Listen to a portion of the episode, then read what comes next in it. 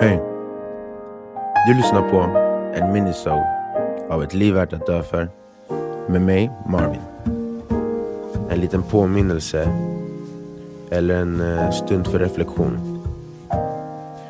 I avsnittet där vi hade läst boken The Artist's Way av Julia Cameron fick vi lära oss om hur man kan utveckla sin kreativitet. Både i skapandet och hur vi lever våra liv. Vi är medverkande i skapandet av varje upplevelse vi har. Den ljumma kvällssolen åkallar minnen från kvällen ni lekte burken på gården. Om du är uppmärksam så kommer fågelkvittret och doften från grannens grill att rama in din upplevelse ikväll i ett nostalgiskt skimmer och lyfta din själ. Vi når oftast denna plats när livets spel lättat på utmaningarna. När vi nått ett mål och vågar stänga av det evinnerliga surrandet i vårt sinne.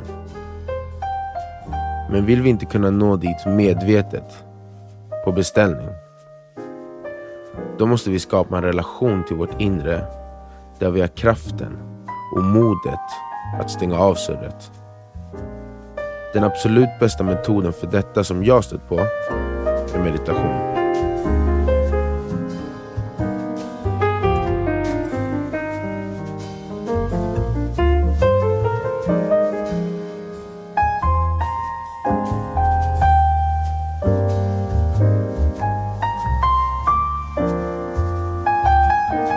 Det lär mig att distansera mig från mina tankar och iaktta dem utifrån. I det tillståndet är det lättare att avgöra om mina tankar just då är konstruktiva och bör upprätthållas eller om det, som det ofta är, är invanda tankemönster som inte längre är givande och som jag bör försöka stänga ner.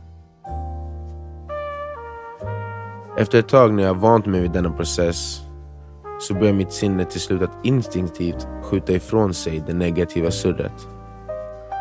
Och det frigör mer utrymme för mig att vara uppmärksam nog för att leva mitt eget liv. Och veckans citat som inspirerade alla de här tankarna här går så här. The quality of life is in proportion, always, to the capacity for the light. The capacity for the light is the gift of paying attention.